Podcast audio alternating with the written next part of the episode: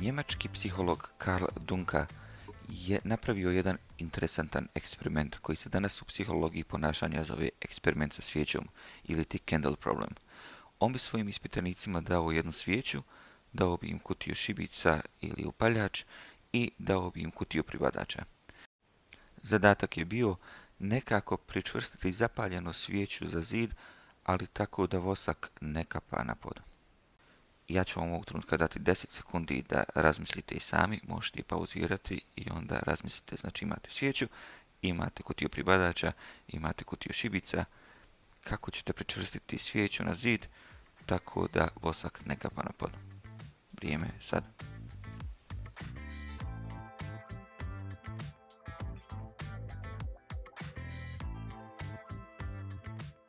Jasmina, hoćeš li rješenje?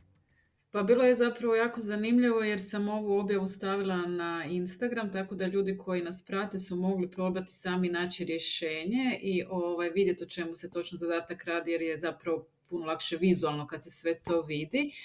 Erni i ja smo e, pokušali ga riješiti i onda smo se smijali, e, koliko sam shvatila ja sam ipak nešto malo brže od njega, Nešto malo e, a onda sam mu objasnila koji je bio razlog, zato što mi sa Balkana bih rekla smo skloni improvizaciji i napraviti neke stvari shodno s onim što imamo, jer jednostavno možda i to razlog što nemamo nekih stvari previše na raspolaganju kao neki Njemci, a ja nije postao jednim dijelom Njemac, pa je možda to razlog zašto sam ja došla malkice do rješenja. I kako izgleda rješenje?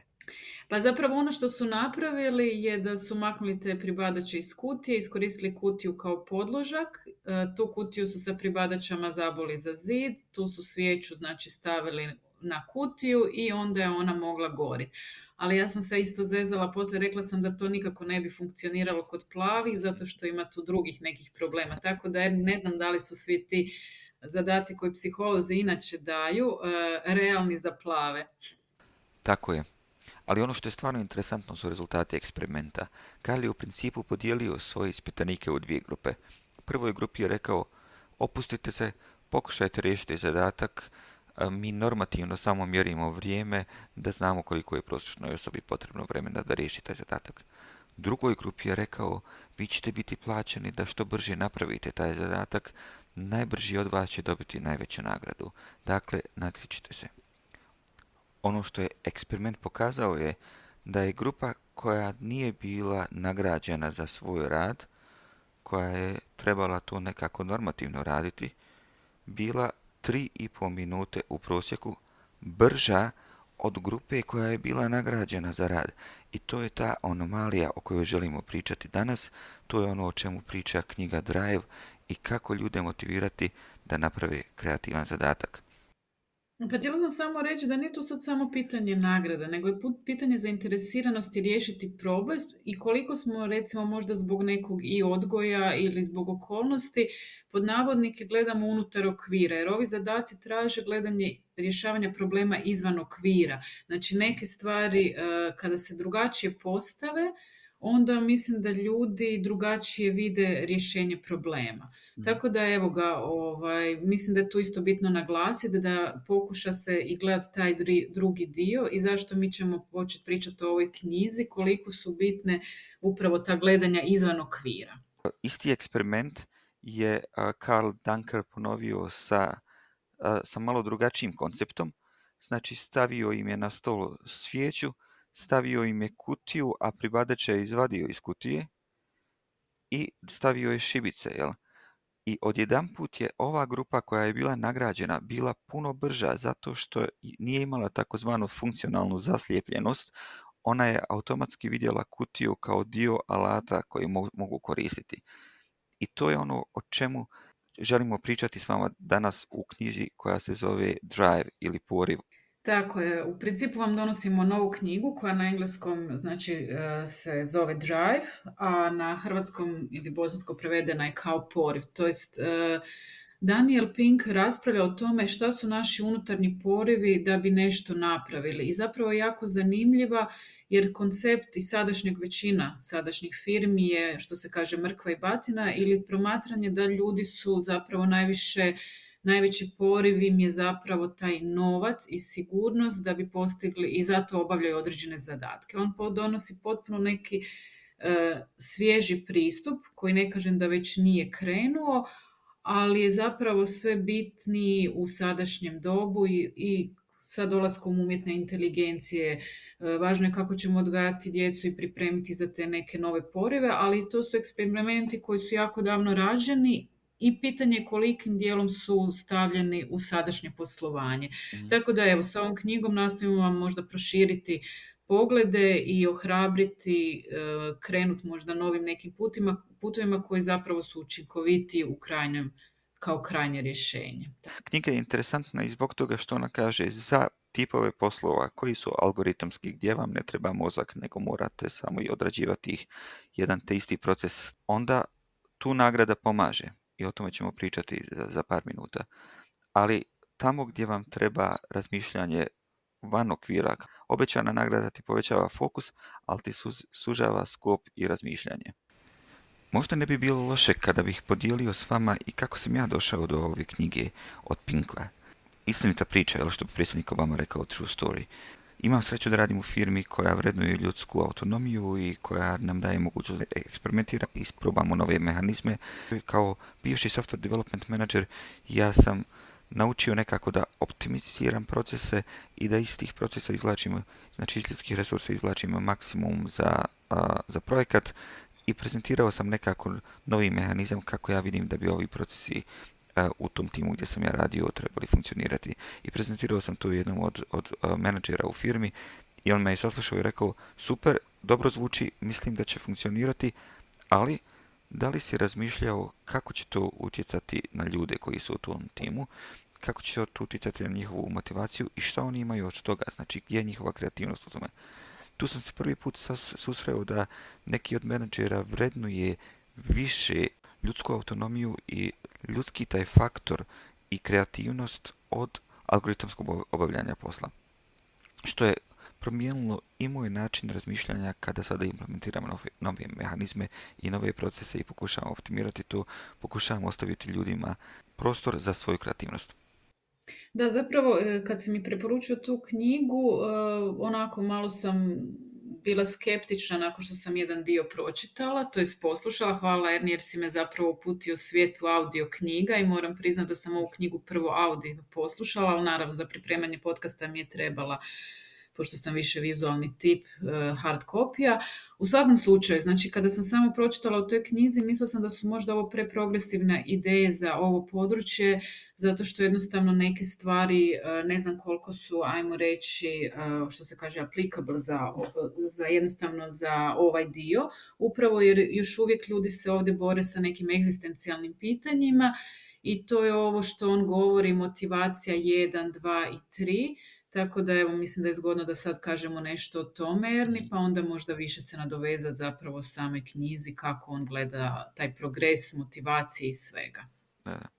On, on kaže isto, znači mi kao, kao, kao ljudi, kao civilizacija smo napredovali kroz, stoljeća i u samom začetku civilizacije on to zove motivacija, motivacija 1.0.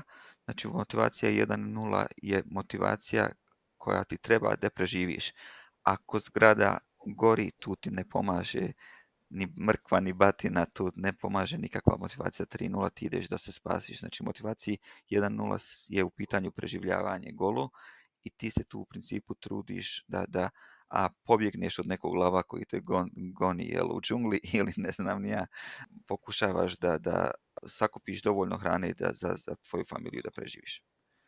U motivaciji 2.0 je ona motivacija koja je nastala kasnije, koja je, koja je došla, ne znam, ja sa odrađivanjem zadataka, sa industrijskom revolucijom, sa jako puno algoritamskih zadataka. Pa da, to su ti rutinirani poslovi koji su znači bili, ajmo reći, naravno u to vrijeme, a i sada neki, gdje ti zapravo stvarno e, nemaš nekoliko tu, veliku kreativnost koju trebaš za izrađivanje takvih nekih poslova, samim time tu funkcionira e, mrkva i batina. Međutim, lagano idući prema toj motivaciji broj 3, o kojem isto mhm. ćemo sad reći, u principu taj učinak mrkve i batine e, može imati pogubne okolnosti. To je ono što govorimo, znači e, promjena u poslovanju, ali i u odgoju treba težiti ka toj motivaciji broj 3. Da. I možda samo još par stvari o motivaciji 2.0, kao što ste rekla, to je mrkva i batina, znači to je if then, jel? ako ti uradiš ovo, ja ću ti dati, ja ću ti dati nagradu. I to mi koristimo, nažalost, jako često i u odgoju i e, koristimo i dan danas u firmama i ta, ta motivacija 2.0 je vrlo efikasna, kao što smo rekli, za zadatke koji su vrlo jednostavni gdje vam treba pojačati fokus. I do sad je ona bila jako dobra zato što je i cijela ta industrija bila vrlo repeating, znači ponavljajuća sa napretkom civilizacije i pogotovo u zadnjih, ne znam, nija 50 godina sa napretkom IT-a, gdje, tu, gdje tu običnu neku algoritamske stvari mogu odraditi kompjuteri, ljudi su dobili priliku da rade na, na kreativnim stvarima i tu je ono gdje Den kaže, ok, vi ne možete više koristiti motivaciju 2.0, nego vam treba nešto novo. I to je njegova motivacija 3.0.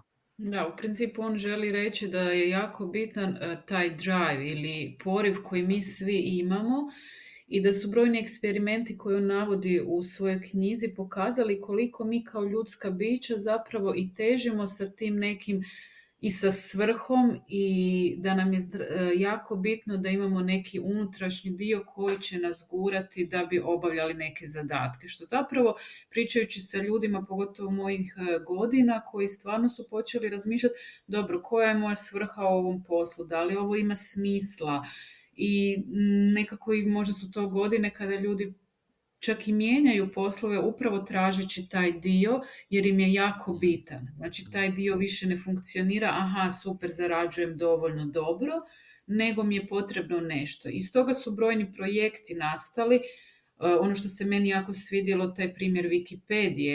Wikipedia je stvarno dobar, dobar primjer. U isto vrijeme, otprilike, kad će Wikipedia nastati, Microsoft je gurao svoju enciklopediju koja se zvala Microsoft Encarta, možda će se neki od vas ovaj, sjetiti te enciklopedije koja je dolazila na diskovima, to je bila prva elektronska velika enciklopedija. Znači, ono što Den kaže, ja tad da sam bilo kojem profesoru ekonomije došao i rekao, na jednoj strani imate ogroman budžet, imate veliku firmu koja stoji iza iza projekta, ona će skupiti sve najbolje knjige i sve najbolje naučnike na svijetu da E, naprave kolekciju, veliku kolekciju enciklopedije koja će se onda biti ovaj, zapakirana online i koju ćemo mi ovaj, dati, dati ljudima da koriste. Imate znači taj, taj pristup sa puno budžeta i sa puno stručnih ljudi.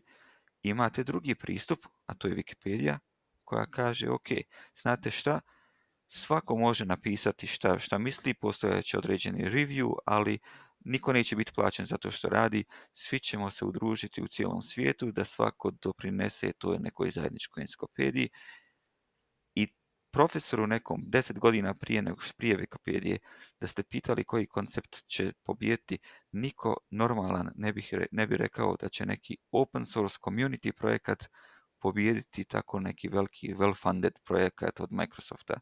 Znači nije bilo nikakve šanse. I umeđu vremenu, pogotovo u IT industriji imate i slučajeve poput Linuxa, operativnog sistema, na kojem se vrti, ne znam nija, ogroman broj, ogroman broj svjetskih e, sistema današnjih, i to velikih enterprise sistema, se vrti na Linux sistema koji isto nastao, nastao kao open source i onaj general, jel, nekako community projekat gdje su ljudi iz tog nekog unutrašnjeg drajva, unutrašnjeg poriva doprinijeli uspjehu projekta. Tako je i meni recimo odlična ova serija na Netflixu The Billion Dollar Code koji govori o Terravision program. To je zapravo njemački projekt iz kojeg je nastao Google Earth. Znači sad je praktički nemoguće da svatko od nas nije barem jednom koristio Google Earth jer smo vidjeli sve te benefite.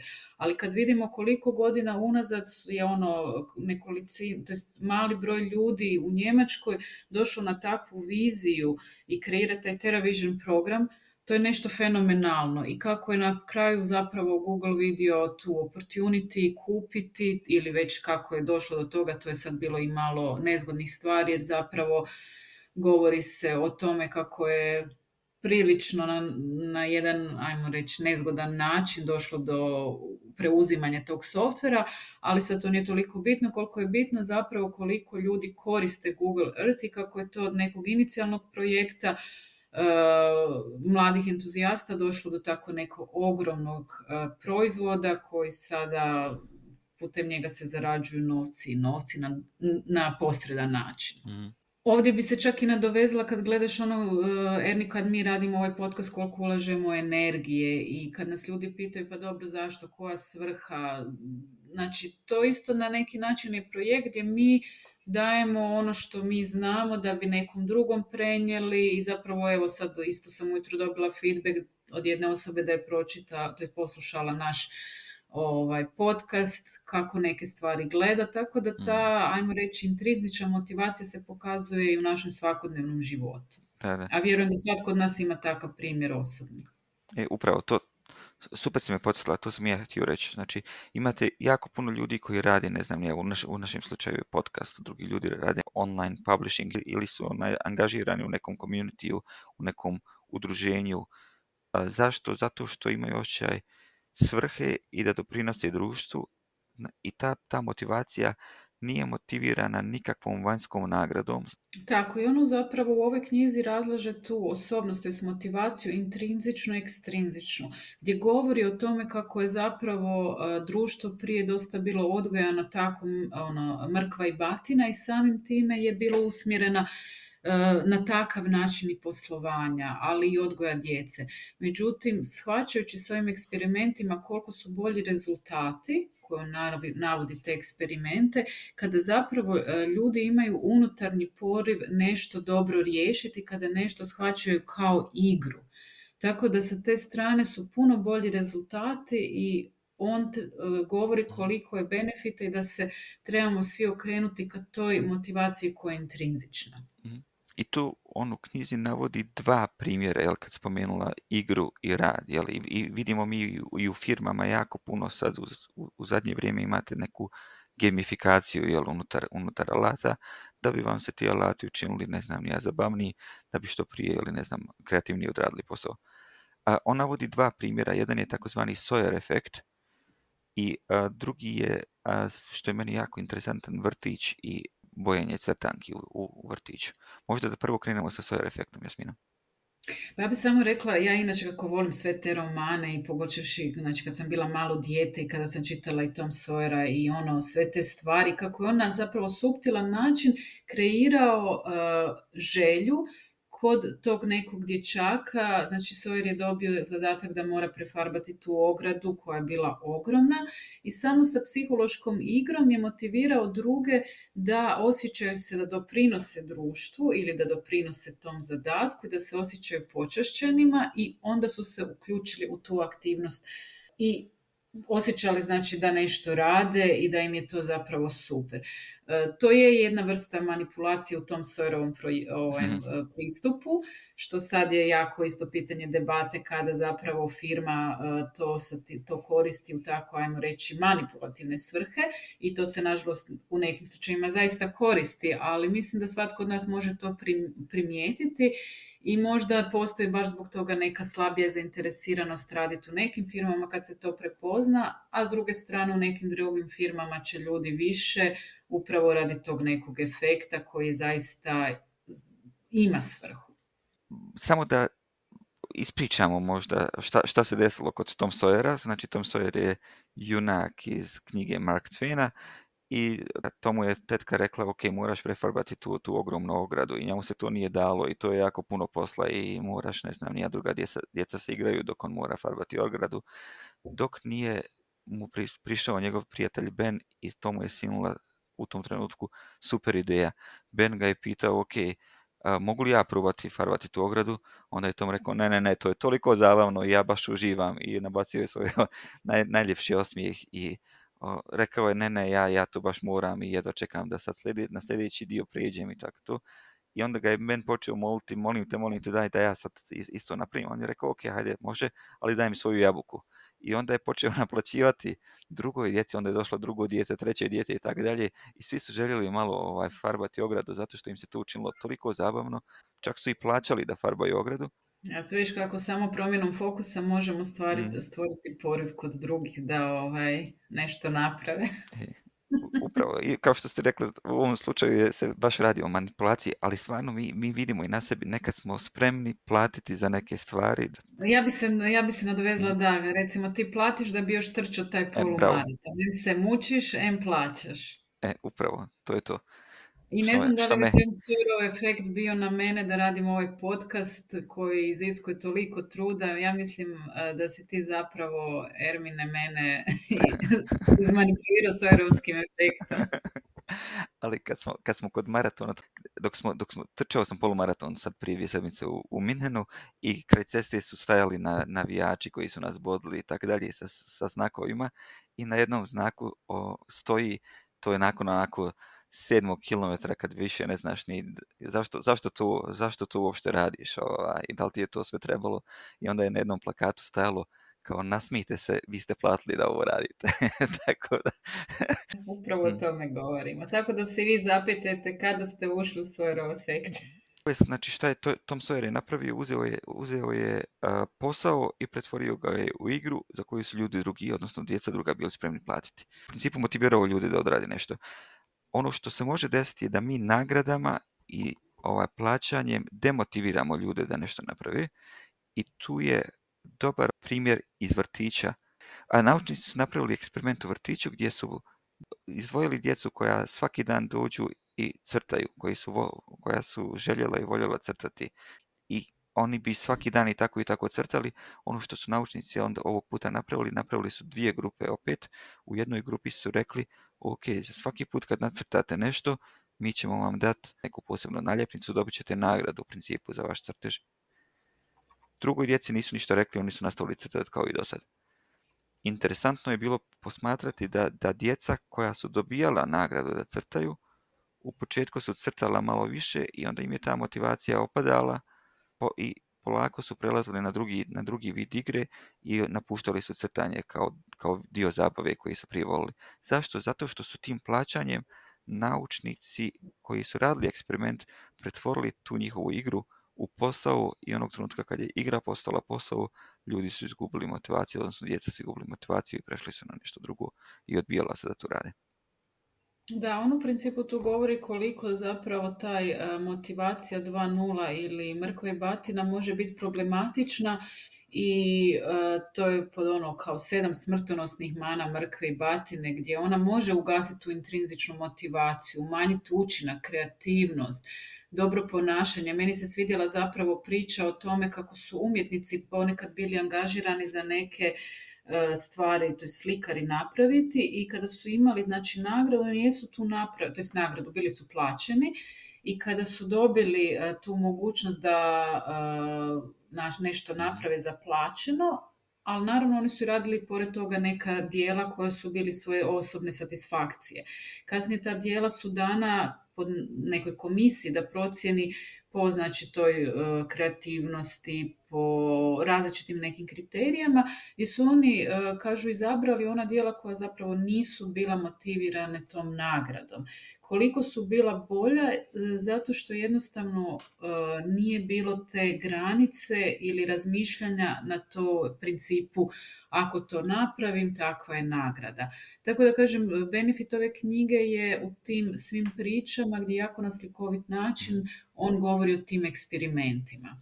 Ali u svakom slučaju ovo što si ti rekao, čak i kod djece, koliko je to e, mijenjalo ponašanje, tako i u poslovnom svijetu, kad recimo imamo targete za prodaju, da to može dovesti čak do nekih traženja prečaca, možda netičkog ponašanja, a u najgorem slučaju do varanja.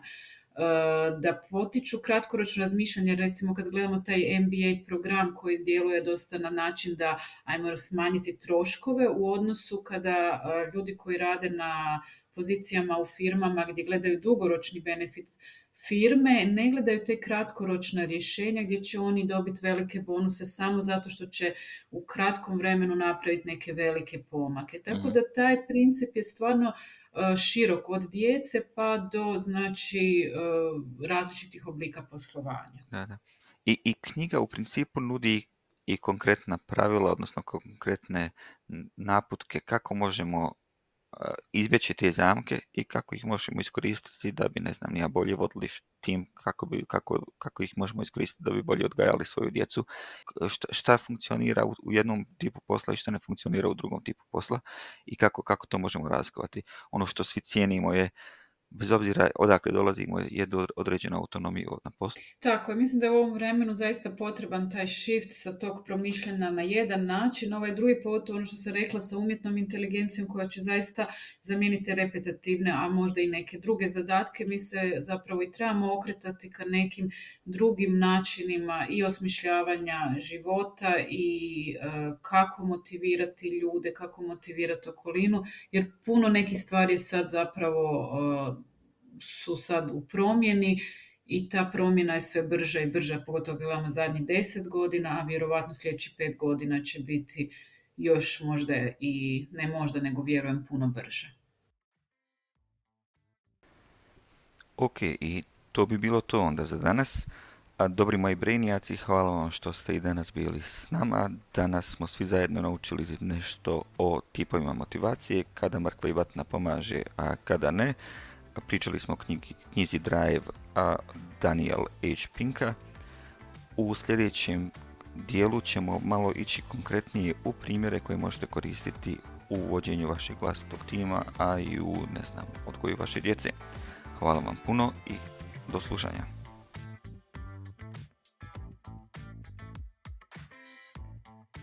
Jako je teško zato što, mislim, znam da ti je težak zadatak zato što je vizualno puno lakše predočiti ovo nego sve ispričati.